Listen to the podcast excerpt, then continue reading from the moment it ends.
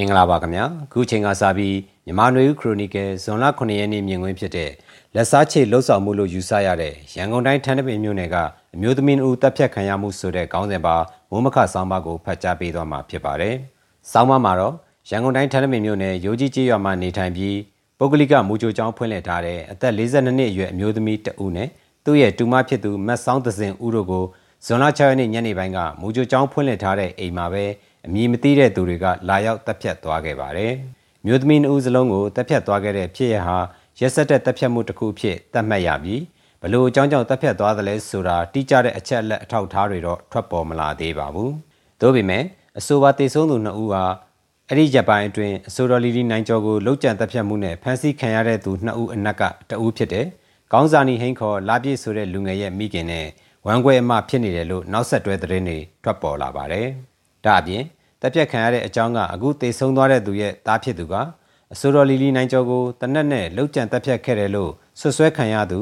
လက်ရှိစစ်ကောင်စီဖမ်းဆီးထားသူဖြစ်နေတဲ့အချက်ပဲဖြစ်ပါတယ်။ရိုးကြီးကျေးရွာတွေကအချို့ကတော့ဒီကျေးရွာတဝိုက်မှာလူမိုက်လို့နာမည်ကြီးသူတဦးနဲ့မျိုးသားရေးအစွန်းရောက်တွေကလီလီနိုင်ကျော်ကိုလှုပ်ကြံတပ်ဖြတ်မှုအတွက်မိသားစုဝင်ကိုလက်တုံ့ပြန်လက်စားချေတာလို့ယူဆမှုတွေလည်းထွက်ပေါ်လာနေတာဖြစ်ပါတယ်။မြို့တွေမှာနဲ့အချို့သောကျေးရွာတွေမှာ စစ်ကောင်စီကိုထောက်ခံသူအရင်ကစစ်တပ်မှအမှုထမ်းခဲ့သူရက်ကွက်အုပ်ချုပ်ရေးမှုယာယီမှု CDM လုပ်တဲ့ဝန်ထမ်းတွေတပ်ဖက်ကနေရက်ဖက်ကိုပြောင်းသွားတဲ့ဌာနဆိုင်ရာအရာရှိတွေကြန့်ခိုင်ရေးပါတီစီယုံရေးမှုတွေစစ်ကောင်စီကိုထောက်ခံတယ်လို့ယူဆတဲ့ဖုံးတော်ကြီးတချို့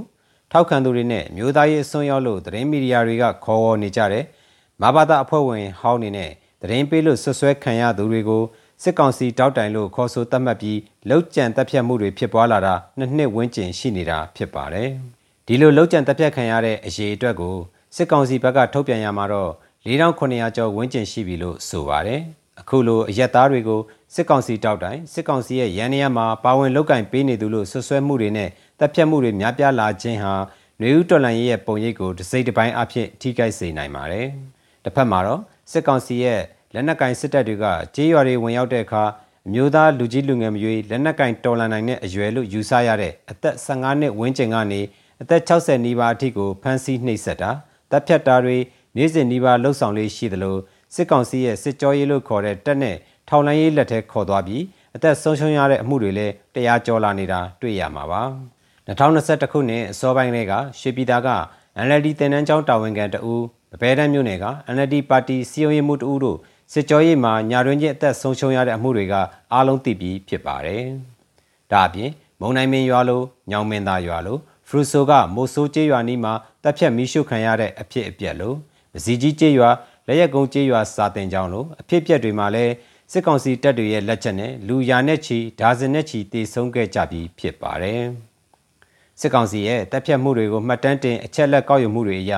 ရက်သားတေဆုံးမှု4000နီးပါးရှိလာပြီးဖြစ်ပါတယ်။ စစ်ကောင်စီဘက်ကထောက်ခံသူတွေ၎င်းတို့အကာအကွယ်ပေးထားသူတွေလို့ယူဆရတဲ့၎င်းတို့ဘာသာ၎င်းတို့သွေးတောက်အဖွဲ့လို့နာမည်ပေးထားတဲ့အဖွဲ့ကတပ်ဖြတ်ခဲ့တဲ့အရေးအတွက်လဲဒါဇင်နှင်းငယ်ရှိခဲ့ပါတယ်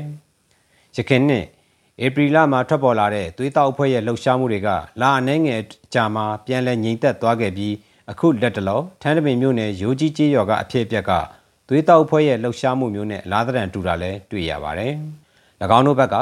တဦးအသက်ခံရရင် NLD ထောက်ခံသူဘက် PDF ထောက်ခံသူတွေဘက်နဲ့၎င်းတို့ရဲ့မိသားစုဝင်တွေကိုလက်စားချေတုံ့ပြန်မယ်ဆိုတဲ့သဘောမျိုးနဲ့လှုပ်ဆောင်ကြတာဖြစ်ကောင်းဖြစ်နိုင်ပါတယ်။စစ်ကောင်စီရဲ့ရက်စက်မှုစစ်ရာဇဝတ်မှုကျူးလွန်တာတွေအစုလိုက်အပြုံလိုက်တပ်ဖြတ်မှုတွေကမြန်မာတွေမကကဘာကလည်းသိရှိပြီးဖြစ်ပါတယ်။ဆီယနာသိမ်းပြီးနောက်ပိုဆိုးရတဲ့တပ်ဖြတ်မှုတွေကျူးလွန်လာတာရက်သားတွေကိုအမေးအမြတ်မရှိမြို့တွေရွာတွေရဲ့လမ်းမတွေပေါ်မှာပြစ်တက်တဲ့အမှုတွေလိုမျိုး ကျူးလွန်သူတွေကိုအပြစ်ပေးအရေးယူခံရတာမရှိဘဲအကြောက်တရားလွှမ်းမိုးအောင်လှုံ့ဆော်နေတာလဲအားလုံးသိရှိပြီးဖြစ်ပါတယ်။အခုနောက်ဆုံးဖြစ်ပွားတဲ့လီလီနိုင်ကျော်လှုပ်ကြံတပ်ဖြတ်ခံရမှုနဲ့ဆက်နွယ်ပြီး